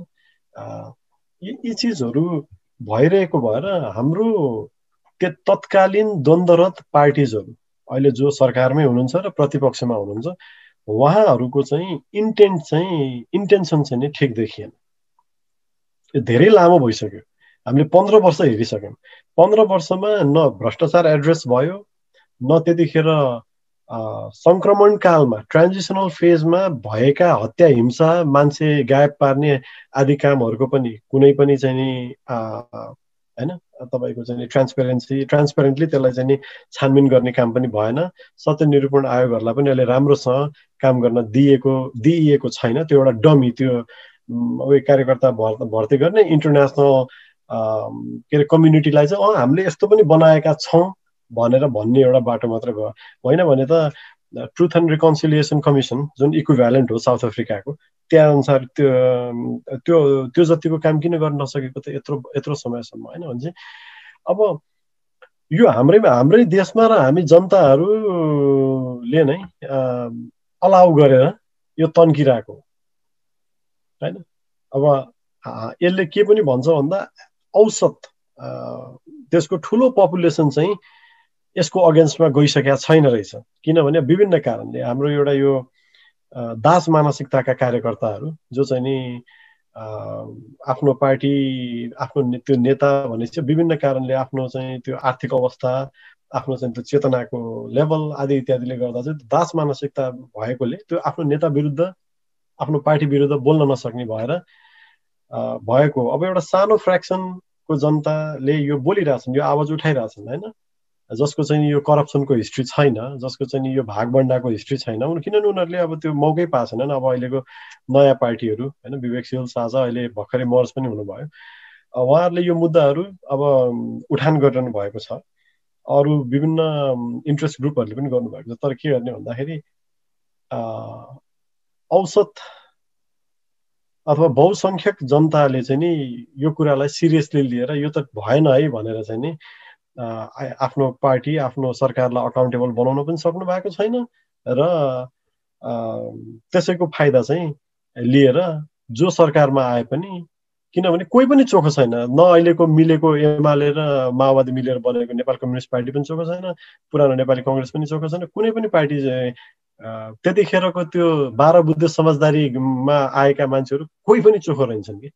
कोही न कोही एउटा न एउटा मुद्दा केही न केहीमा परेका छन्। अब अहिले बिचमा आएर के हो? तपाईँको के अरे वाइड बडीको काण्ड भयो। त्यो पनि यो ट्रान्जेक्सनल फेजमा भयो। अब तपाईँको अर्थक्वेकमा आउँदा पनि भ्रष्टाचार। एड रिलिफ एन्ड एडमा समेत भ्रष्टाचार भयो भनेपछि त्यो कुन चाहिँलाई फिक्स गर्ने भन्दा भन्दा नयाँ नयाँ नयाँ नयाँ यो कल्चरै यो एकदमै करप्ट भएको भएर यति धेरै मुद्दाहरू भयो यति धेरै मान्छे मुछ्यो कि त्यो हिसाबले त अहिलेको पुरै आधाभन्दा बढी नेतागणलाई जेलमा हाल्नुपर्छ। त्यही अब यसमा मैले अघि अघि पनि ठ्याक्क अलिकति उठान गरेको थिएँ यो विषय होइन। खास अब जस्तै कि गणतन्त्र आयो होइन त। लेट्स एउटा कन्फ्लिक्ट थियो। त्यो कन्फ्लिक्टलाई को चाहिँ रिजोल्युसन के हो त भन्दाखेरिमा चाहिँ वि डन विथ मोनार्की होइन? बिकज अफ मोनार्की मोनार्कीले गर्दा चाहिँ राज संस्थाले गर्दा चाहिँ हाम्रो जति पनि समस्या भएको थियो। राज संस्थाले गर्दा भएको भन्यो त्यसलाई हटायो होइन? हटाएर चाहिँ अर्को लिएर आयो। सो यहाँनिर कहाँनिर देख्यो भने चाहिँ गणतन्त्र ल्याइसकेपछि त गणतन्त्रको लागि चाहिने संस्था संस्थाहरू भन्छ नि त इन्स्टिट्युसन्सहरूले हो नि त गणतन्त्र बलियो बनाउनु त होइन? सो भनेपछि त उनीहरूले कुनै पनि संस्था बलियो बनाएको पनि छैन। भनेपछि चाहिँ वाइ अल दिस मैले भनेको चाहिँ ल मानव जनताहरू त ल उनीहरूको डेली लाइफमा चक्करमा फसिरहेछ क्या। ल मानौँ उहाँहरूको चाहिँ दैनिक त भनौँ न एउटा विद्यार्थीको कुरा भनौँ नि बिहानदेखि स्कुल गयो पढ्न आयो अनि त्यहाँबाट हजुरको फर्केर गयो होमवर्क गऱ्यो भोलिपल्ट फेरि जाने हुन्छ त्यो चक्करमा छ। नाइन टु फाइभ गर्न जानेको नौ बजी बिहान उठ्यो काम गरेर आयो परिवारसँग समयको थियो सुत्यो बिहान उठ्यो काममा गयो त्यो त्यतिकै गयो होइन? भनेपछि सबैजना आफ्नो चक्करमै छ जनताहरू भनेपछि चाहिँ यसको लागि पहरेदारी गर्ने भनेको मिडियाहरू पनि होइन। म चाहिँ यो खास म चाहिँ हामीले जहिले पनि नेताहरूलाई मात्रै एउटा हामीले जवाब अफकोर्स हो उनीहरू प्राइमेरी त हो होइन। तर उनीहरूलाई चाहिँ उसमा ल्याउनको लागि जस्तै ट्र्याकिङ गर्नु गर्नुपर्ने पनि अवस्था हुन्थ्यो जस्तै कि कस्तो कस्ता कस्ता इन्स्टिट्युसन्सहरू चाहिन्थ्यो त हामीलाई। गणतन्त्रको हामीले स्थापना भएपछि भयो त अब गणतन्त्र भनेर कागजमा लेखिदिएपछि गणतन्त्रले काम गर्ने हो त होइन नि त। सो त्यो गर्दाखेरिमा चाहिँ संस्थाहरू पनि बनाएको अवस्था होइन के? भनेपछि त यहाँ चाहिँ के देखियो भने इन्टेन्सन तपाईँले अहिले भन्नुभएको जस्तै इन्टेन्सनल्ली नै यो कन्फ्लिक्टलाई रिजोल्युसनै नगर्ने भयो नि त। अनि कसको कस्टमा भन्दा फेरि हाम्रै कस्टमा होइन? हाम्रो कस्तो हामीले बोक्नु परिरहेछ नि त। म जस्तो मान्छे विदेशिनु परिरहेछ नि त होइन? अथवा खाडीमा जानु परेको छ होइन? कोही के कारणले निस्किनु परेको छ? देशमा बस्न पाएको छैन युवाहरू सबै बाहिर जानु परेको छ होइन? सो भने मैले मैले अघि त्यही पनि जोड्नु खोजेँ। भनेपछि चाहिँ हो एटलिस्ट ल उनीहरूले चाहिँ त्यसका लागि काम गर्दा गर्दै गर्दा गर्दै गर्दा गर्दै चाहिँ त्यो कन्फ्लिक्ट रिजोल्युसन नभएको अर्को कन्फ्लिक्ट आएको भए ठिक छ मानिन्थ्यो। तर त जब तपाईँको त्यो त्यो कन्फ्लिक्टलाई रिजोल्युसन गर्नको लागि त मेन ल अब कन्फ्लिक्ट रिजोल्युसन पनि अहिले एकछिनलाई साइडमा राखौँ। गणतन्त्र स्थापना गरेर रिपब्लिक त्यतिकै बन्दैन। त्यसको लागि बनाउने इन्स्टिट्युसनहरू खोइ त। हामीसँग खोइ त इन्स्टिट्युसन्सहरू बनाएकै छैन। चौध पन्ध्र वर्ष हुँदाखेरिमा पनि दुई झन्डै डेढ दशक भइसक्दाखेरिमा पनि चाहिँ अझै पनि इन्स्टिट्युसनहरू बनेको छैन। भन्दा चाहिँ हामी के गरिरहेको छौँ त? एज अ समाज ल ठिक छ। ठुला ठुला होला नि त कोही नागरिक समाज होला कोही चाहिँ तपाईँको मिडियाहरू होला। यो समाजमा त त्यति मात्रै होइन। खालि त्यो गरिब जनतालाई मात्रै दोष देखाएर तिमीले चाहिँ भोट दिएनौ। तिमीले गर अब कतिको त समस्या हुन्छ नि? आफ्नो आफ्नो आफ्नो लाइफ हुन्छ नि? मान्छेलाई कतिलाई त समस्या प्रब्लम पनि आफ्नो प्रब्लमको लाइक हुने are in in your set होइन? Like how can you get out of that के नेपाली जनताको खास साँच्ची नै हेर्ने हो भने त। नेपाली नागरिक जतिको पनि हेर्दाखेरि उनीहरूको आफ्नै प्रब्लममा उनीहरू फसिरहेको छ भने होइन। अरू पनि त छन् त स्टेक होल्डर यो सोसाइटीमा are they doing it are they being responsible त्यसो भए एउटा त्यो एङ्गलबाट पनि मैले त्यो पर्सपेक्टिभ पनि देखाउन त्यो पर्सपेक्टिभबाट पनि एउटा गर्न खोजेको। अहिले तपाईँले एउटा तपाईँले एकदम राम्रो कुरा गर्नुभयो। यो कुरा मैले अहिले बारम्बार उठाइ पनि रहेको छु होइन सबै प्लेटफर्महरूमा अब जस्तै अख्तियार। होइन दुरुपयोग अब अनुसन्धान केन्द्र खोल्यो यो यो पनि देखाउने दाँत भयो कि यो यो पनि एउटा प्रजातान्त्रिक एउटा चाहिँ नि सिस्टम यो लोकतान्त्रिक सिस्टमको एउटा एउटा अङ्ग भनेर बनायो नि अब धेरै भ्रष्टाचार भयो ल यसलाई कन्ट्रोल गरौँ ल भनेर अब इन्टरनेसनल स्टेक होल्डरहरूले पनि प्रेसर दियो बनाइदियो तर हेर्नुहोस् त बनेको यो केही वर्षमा कहाँ पुग्यो भन्दाखेरि त्यसको हेड बेसिकल्ली सरकारको पपेट भएको छ पुरो ठुलो ठुलो मान्छेहरूको फाइल नखोल्ने अनि त्यही हजार पन्ध्र सयवाला करप्सनको फाइलहरू निकाल्ने होइन? त्यो त्यो के भइदियो भन्दाखेरि अब यसरी सिस्टमलाई बनाइदिने तर देखाउनको लागि बनाइदिने अनि पपेट बनाइदिने। अब अहिले नेपालको त तपाईँलाई भन्नु पर्दाखेरि हाम्रो त सर्वोच्च अदालतै अहिले भनौँ न थ्रेटमा परिसक्यो।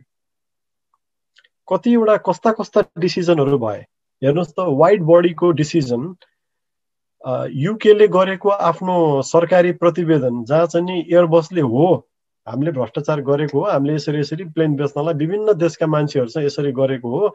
नेपालको पनि हामीले एजेन्ट मार्फत दुईवटा चाहिँ सरकारी कर्मचारीलाई हामीले दिएको हो भनेर उसको प्रतिवेदनमा बकाइदा छ जुन कान्तिपुरको फ्रन्ट पेजमा आएको पनि थियो होइन?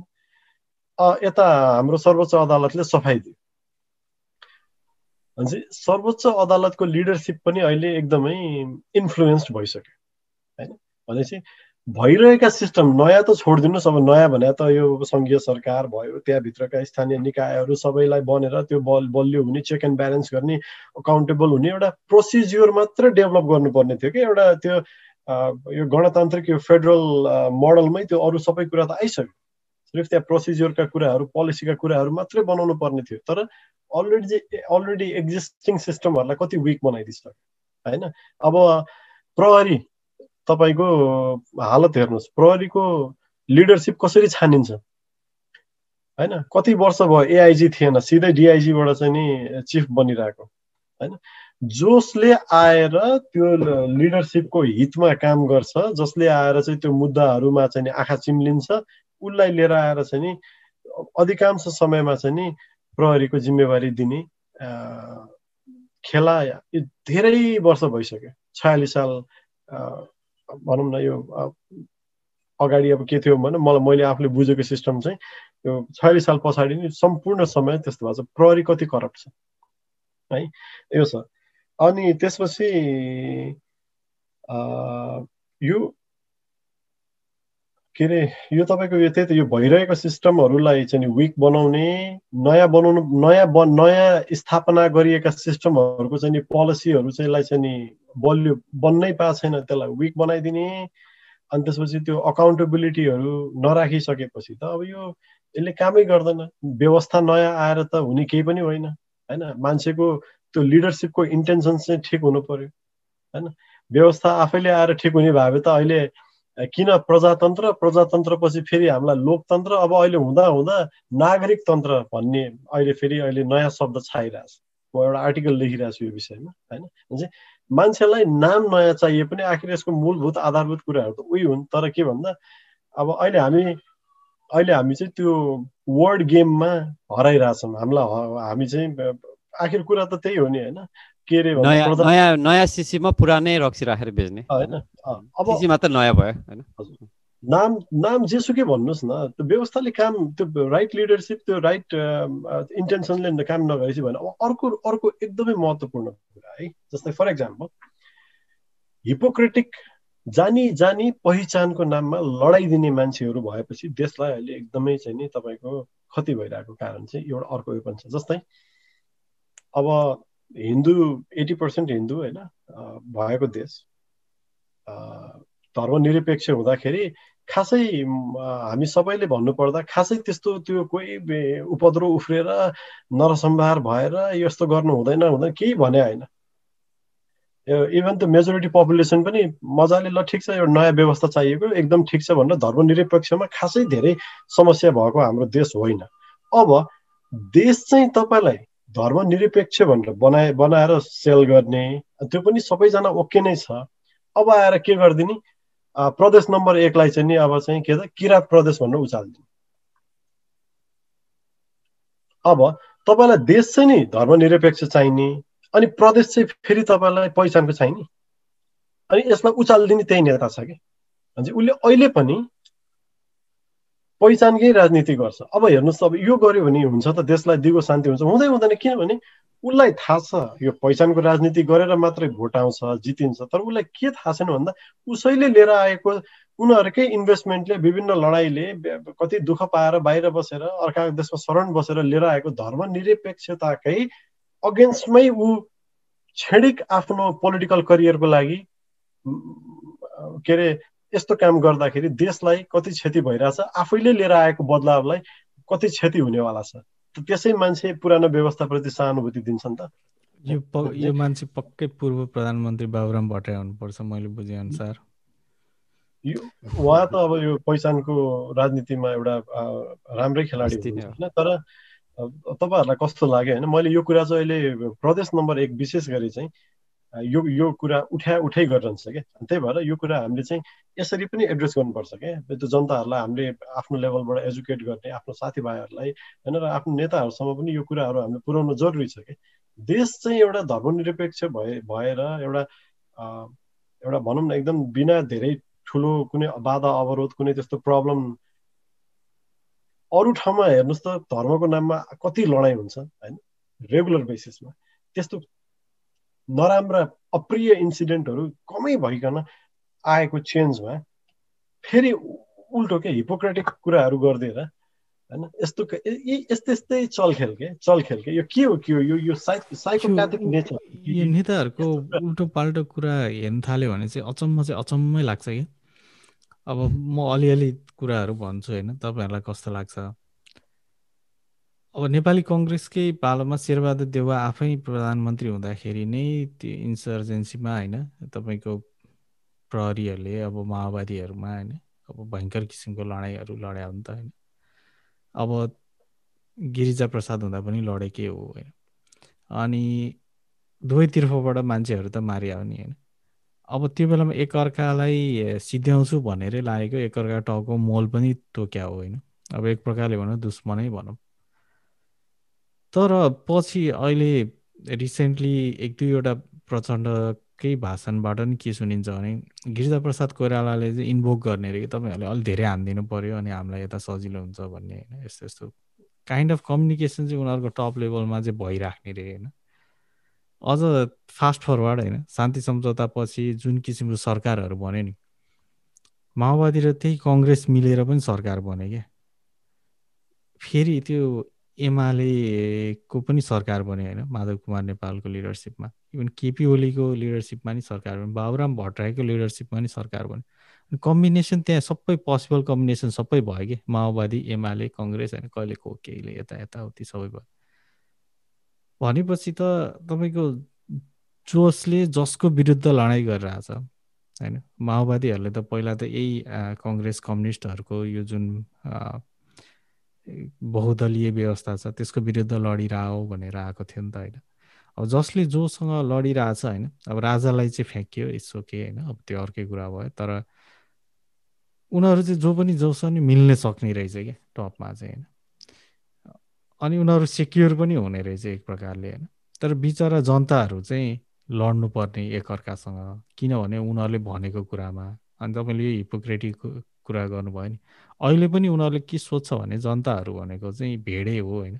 हामीले यता कर्णालीको जनतालाई चाहिँ किराँतको लागि ल उफारिदिन मिल्छ बाँकी देशको जनतालाई चाहिँ धर्मनिरपेक्षमा उफारिदिन मिल्छ भनेर उनीहरूले बुझ्ने रहेछ यस्तो किसिमको अधिकार उनीहरूले कसरी सोध्छ कि हामीसँग छ भन्ने कि? वाइ दे थिङ्क कि होइन they are empower to tell a such bullshit stories के? अनि कि हामी साँच्चीकै मूर्ख हुनु पऱ्यो बुद्धु नै हुनु पऱ्यो कि उनीहरूलाई पत्याइरहेको भएर न त उनीहरूले हामीलाई यस्तो खालको कथाहरू बेचिरह होला नि त होइन? अब हामीमा अलिकति पनि चेतनाको स्तर नभएर हो कि अब यो सारा संसारको मान्छेहरू र नेपालीहरूको बिचको चेतनाको स्तर अब कसरी नाप्न मिल्छ त्यो मलाई थाहा छैन होइन? तर हामी किन घरिघरि यस्तै कुराहरू पत्याउँछौँ होइन? यो कि हाम्रो साइकोलोजीको प्रब्लम हो कि हाम्रो दास मानसिकता हो कि होइन यो यो पनि इन्ट्रेस्टिङ लाग्छ कि मलाई?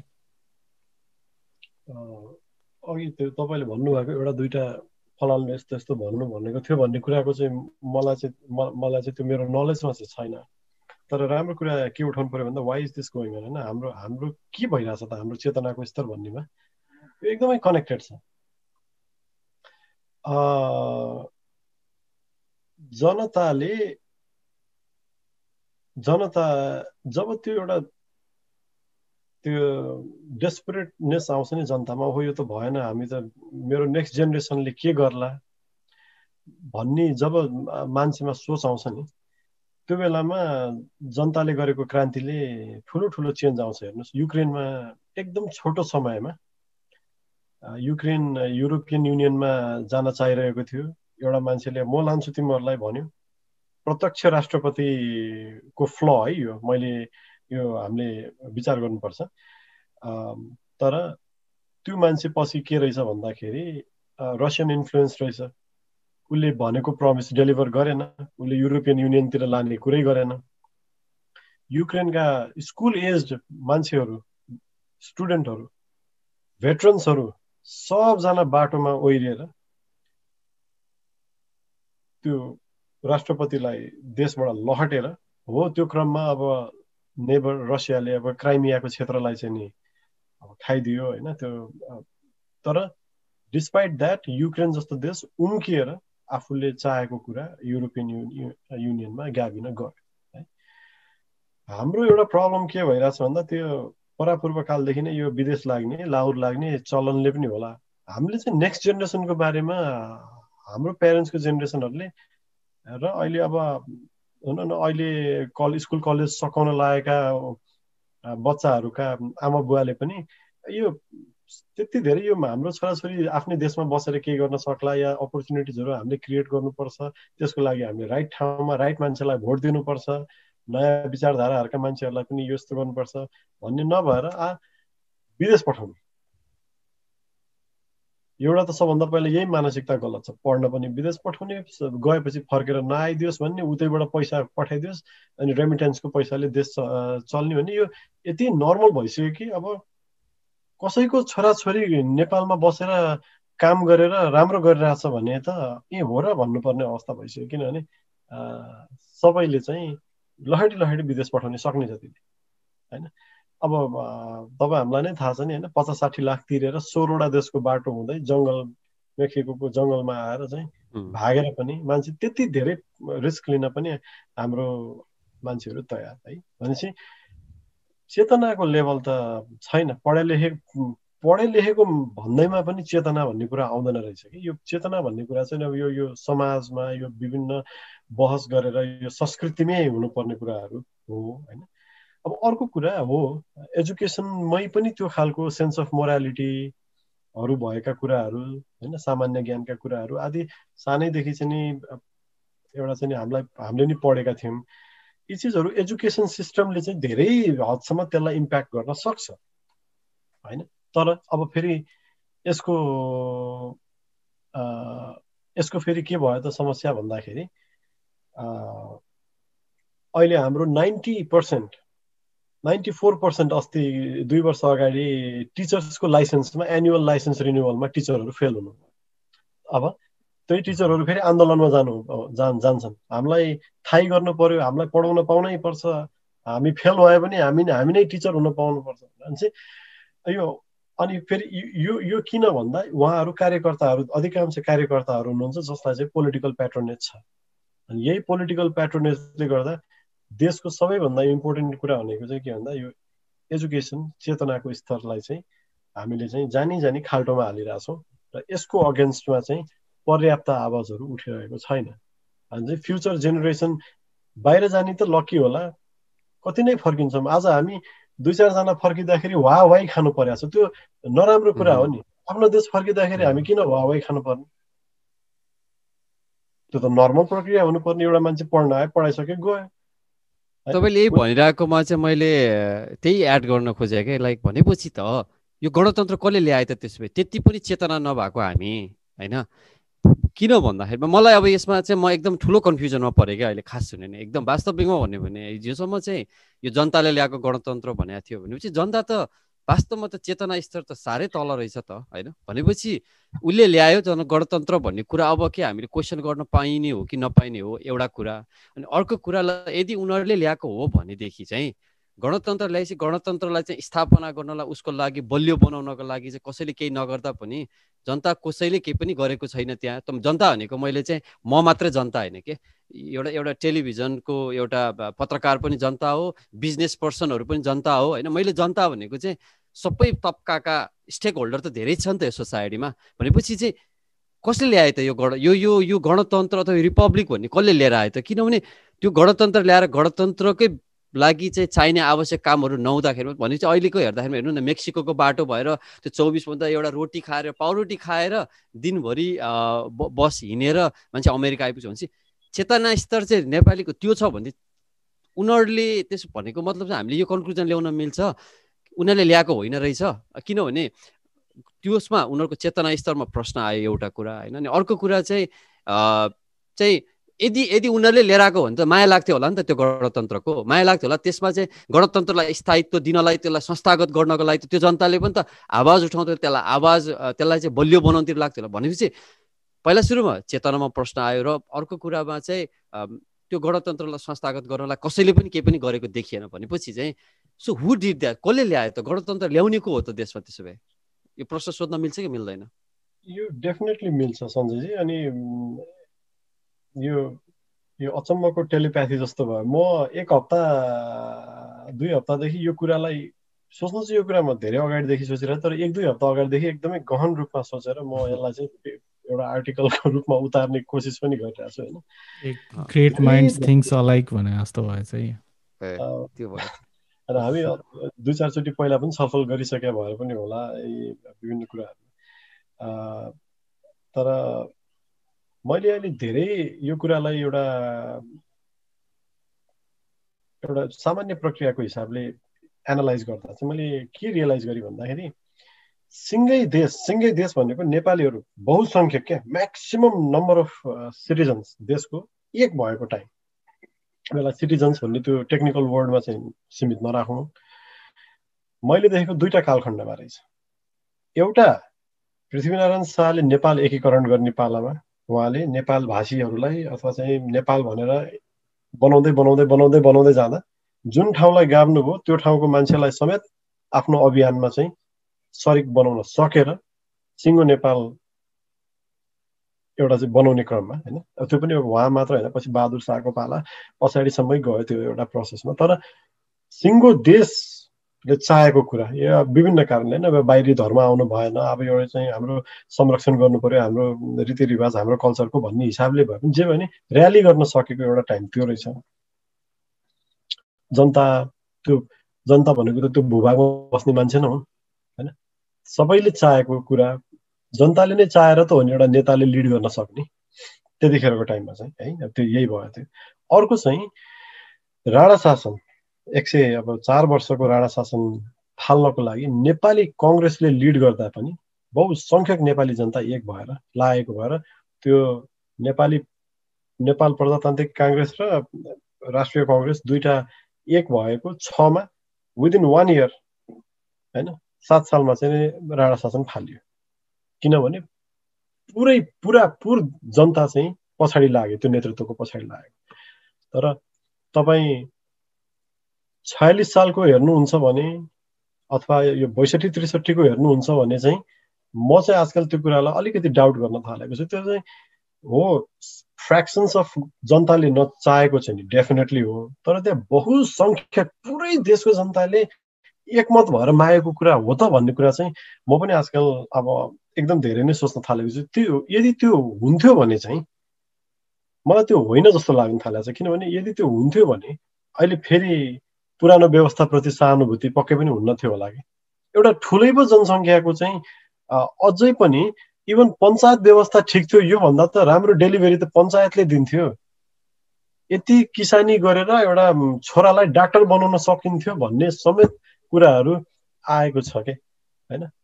अब राजा आऊ देश बचाउमा पनि यति अहिले भनौँ न देशव्यापी ऱ्यालीहरू हुन थालेको भनेको त एउटा ठुलै फ्रेक्सन त यो व्यवस्थासँग त खुसी रहन्छ। यिनले त यो व्यवस्था मागेका होइन रहेछन् भने चाहिँ किन यो दस वर्षमा हामीले व्यवस्था फेऱ्यौँ र भन्ने कुरा र कसरी भयो भन्ने कुरामा चाहिँ डेफिनेटली हाम्रो इन्टरनेसनल रिजनल इन्ट्रेस्टहरू होइन?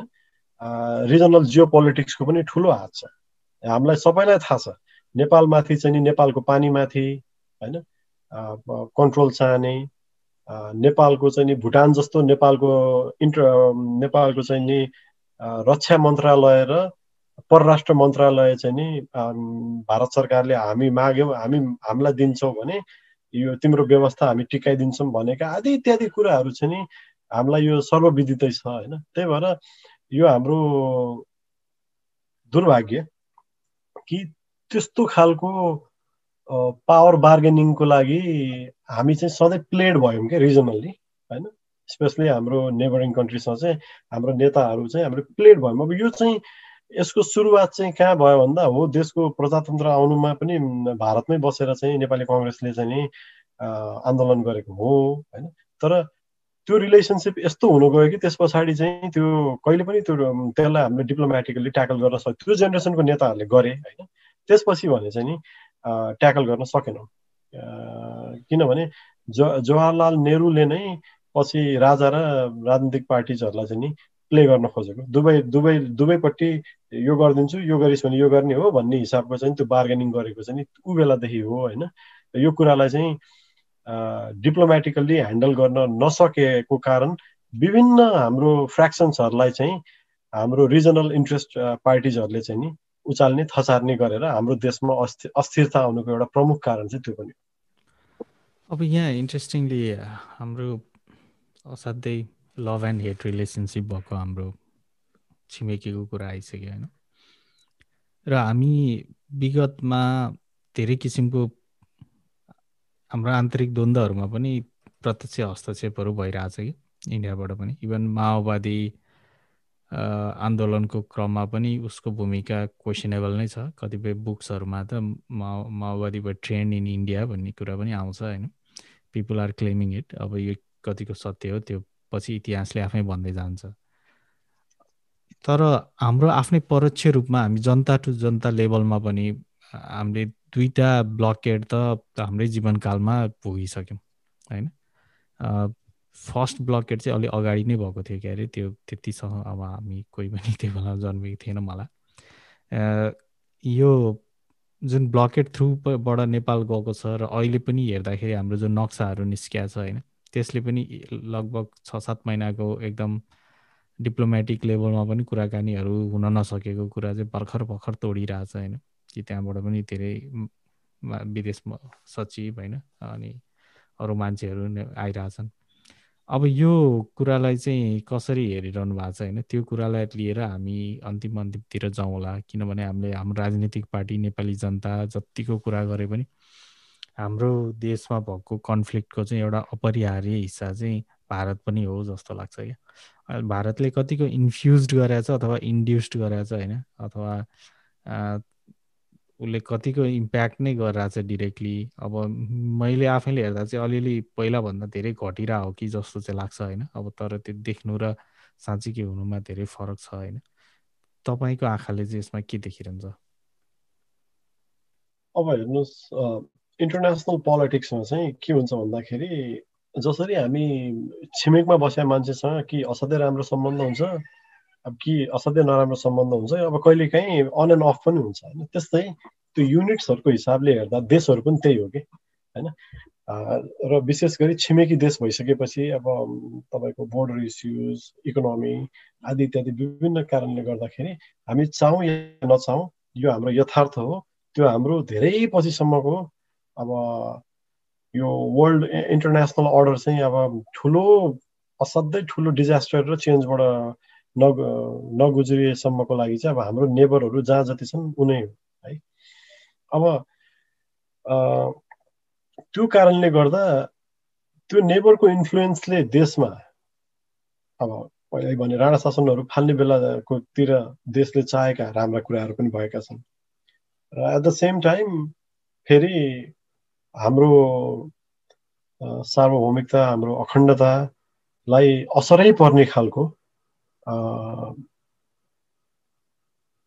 एकदमै सेन्सिटिभ पोलिटिकल इन्सिडेन्ट्सहरू पनि भएका छन् होइन? अब यो कुरा चाहिँ यसलाई हामीले आई थिङ्क यो कन्फ्लिक्टमा चाहिँ एउटा गेम थ्योरी भनिन्छ होइन? गेम थ्योरिस्टहरूले चाहिँ यो गऱ्यो भने यो हुन्छ कि भनेर चाहिँ त्यो त्यो हिसाबले चाहिँ नि त्यो कन्फ्लिक्टलाई एनालाइज गर्ने गर्ने गर्छन्।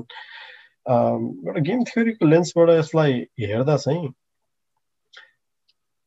हाम्रो नेताहरूलाई चाहिँ कस्तो भइसक्यो भन्दा हामीले यतिसम्म गर्यो यो यो कुरामा हामीले मान्यौँ भने हामीलाई बाह्य सपोर्ट आउँछ भन्ने कुरा पनि उहाँहरूले पनि ठ्याक्कै त्यो यो वर्षौँसम्मको चाहिँ त्यो साझेदारीबाट त्यो थाहा भइसकेको छ।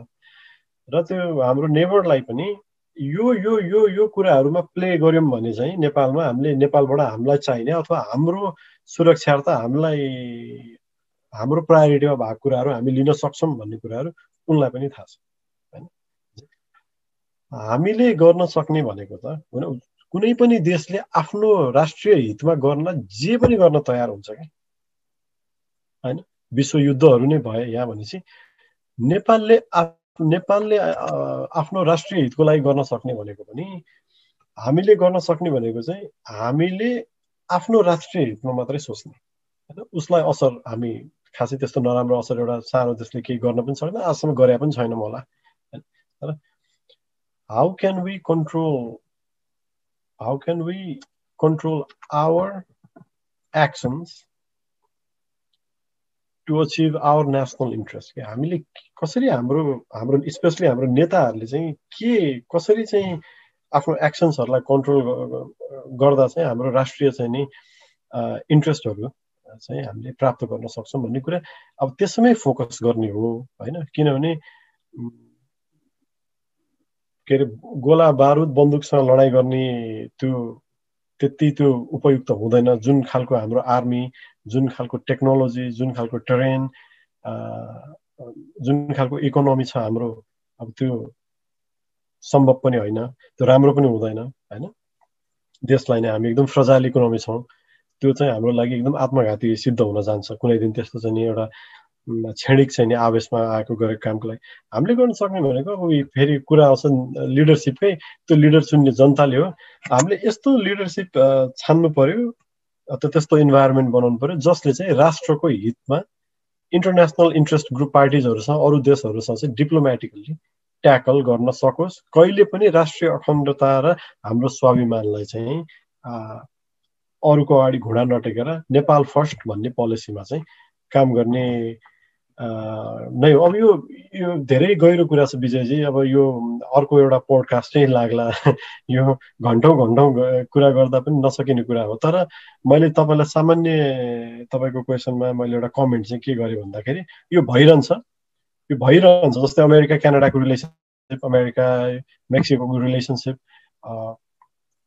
यसलाई म टुङ्ग्याउनको लागि चाहिँ के भन्छु भन्दा हामी हामी त हामी त लक्की देश हौँ कि यतिवटा वारहरू होइन नेपाल हाम्रो चाहिँ टिबेट वार भयो हाम्रो चाहिँ अब संसारकै ठुलो चाहिँ नि त्यतिखेरको आर्मी होइन ब्रिटिस साम्राज्यसँग वार भएर पनि आफ्नो पुरा पुर केही जमिनहरू गुमाएर आफ्नो पुरै स्वाभिमान चाहिँ हामी जोगाएर बस्न सकेको देश रहेछौँ कि? होइन भने हेर्नुहोस् त अहिले जर्मनी र जापानको हालत के छ? जर्मनी र जापानको आजसम्म पनि आर्मी के कति राख्ने रेस्ट्रिक्ट रेस्ट्रिक्सन्स छ त्यो वर्ल्ड वारलेको कारणले गर्दा होइन? अमेरिकन आर्मीहरू उहाँहरूको देशमा चाहिँ स्टेसन छ। उहाँहरूको चाहिँ विभिन्न कुरामा चाहिँ नि उहाँहरूको फौज एउटा विदेशी फौजहरू उनीहरूको भूमिमा बसेको छ। तर हामीले बुझ्नुपर्ने कुरा हो त्यो उहाँहरूको त्यो लडाइँको कारणले गर्दा एउटा ट्रिटी भयो। त्यो ट्रिटीले गर्दाखेरि विदेशी फौज त्यो देशमै बसेको छ। तैपनि न उनीहरूको इन्टरनेसनल इमेजमा एकरत्ती कमी आएछ न उनीहरूको इकोनोमीमा एउटा केही कमी आएछ। जर्मनी आज कोभिडमा वान अफ द उत्कृष्ट मेडिकल चाहिँ नि हेल्थ केयर सिस्टम भएको देश रहेछ भन्ने देखियो होइन? जापान टेक्नोलोजिकल्ली संसारको कहाँनिर थियो? एक नम्बरमै थियो होइन? इमेजिन गर्नुहोस् त हाम्रो देशमा विदेशको फौज नेपालीहरूले त्यसलाई कुन रूपमा लिन्थे होला? आज नहुँदा छिसिक्क सानो सानो इन्सिडेन्ट हुँदा हामी कत्रो ताण्डव होइन हामीलाई यहाँ मचाउँछौँ। संसारमा यस्ता धेरै देशहरू छन् जसको विभिन्न ट्रिटिजहरूको कारण विदेशी सैनिक उनीहरूको देशमा आएर बसेका छन्। तैपनि अब्बल इन्टरनेसनल स्पेयर के अरे स्पेसमा चाहिँ अब्बल देशहरूको रूपमा अगाडि बढ्न सकेका छ भने हामीले चाहिँ हामी त त्योबाट मुक्त छौँ कि हाम्रो त कम्प्लिट आफ्नो कन्ट्रोलमा छ हाम्रो देश भने चाहिँ हामीले चाहिँ त्योभन्दा बेटर गर्न सक्नै पर्छ। हस् thank you thank you प्रणवजी Pranayji. मेरो चाहिँ अब केही पनि कुरा छैन सञ्जयको केही छ भने प्लिज गो एड होइन? Then we can wrap it up त्यही त। मेरो पनि प्रिटिमा सकिसक्यो होइन? Thank you so much for your time होइन? अनि फेरि अमेरिका आएको बेलामा फेरि एउटा बोल्ने मौका जुऱ्यो होइन? समय दिनुभयो। त्यसलाई धेरै धेरै धन्यवाद। फेरि पनि हामी तपाईँ नेपाल फर्किसकेपछि नि बेला बेलामा चाहिँ हामी अब फेरि यसलाई अर्को अर्को श्रृङ्खलाबद्ध रूपमा चाहिँ हामी यसलाई कन्टिन्यू गर्दै गराउन यो मन्थनको प्रक्रिया पनि हो होइन? यसले हामीलाई नै एउटा अझै यो सिकिङलाई चाहिँ बढी हेल्प गर्छ जस्तो लाग्छ जस्तो लाग्छ कि। हाम्रो आफ्नै थट प्रोसेसहरू रिफ्लेक्ट गर्ने एउटा माध्यम हुन्छ जस्तो लाग्छ। त्यो भएर हामीले यो पडकास्ट गरेर हामीले खासै त्यस्तो त्यो धेरै अरू कुरा गर्ने भन्दा पनि हामी आफैलाई पनि एउटा लर्न गर्ने सिकिङ एउटा नेचर हामीमा डेभलप हुँदै त्यो बनाउनलाई त्यो त्यो त्यो नेचर डेभलप गर्नलाई हेल्प हुन्छ भनेर नै हो होइन? समय र समाजको लागि धन्यवाद। थ्याङ्क यू सञ्जयजी विजयजी अब यो एकदमै राम्रो इनिसिएसन छ। यसमा मेरो आफ्नो एक्सपिरियन्सहरू सेयर गर्नको लागि बोलाइदिनु भयो। त्यसको लागि धेरै धेरै धन्यवाद। अनि आगामी दिनहरूमा हामी यो संवादलाई जारी राख्नेछौँ।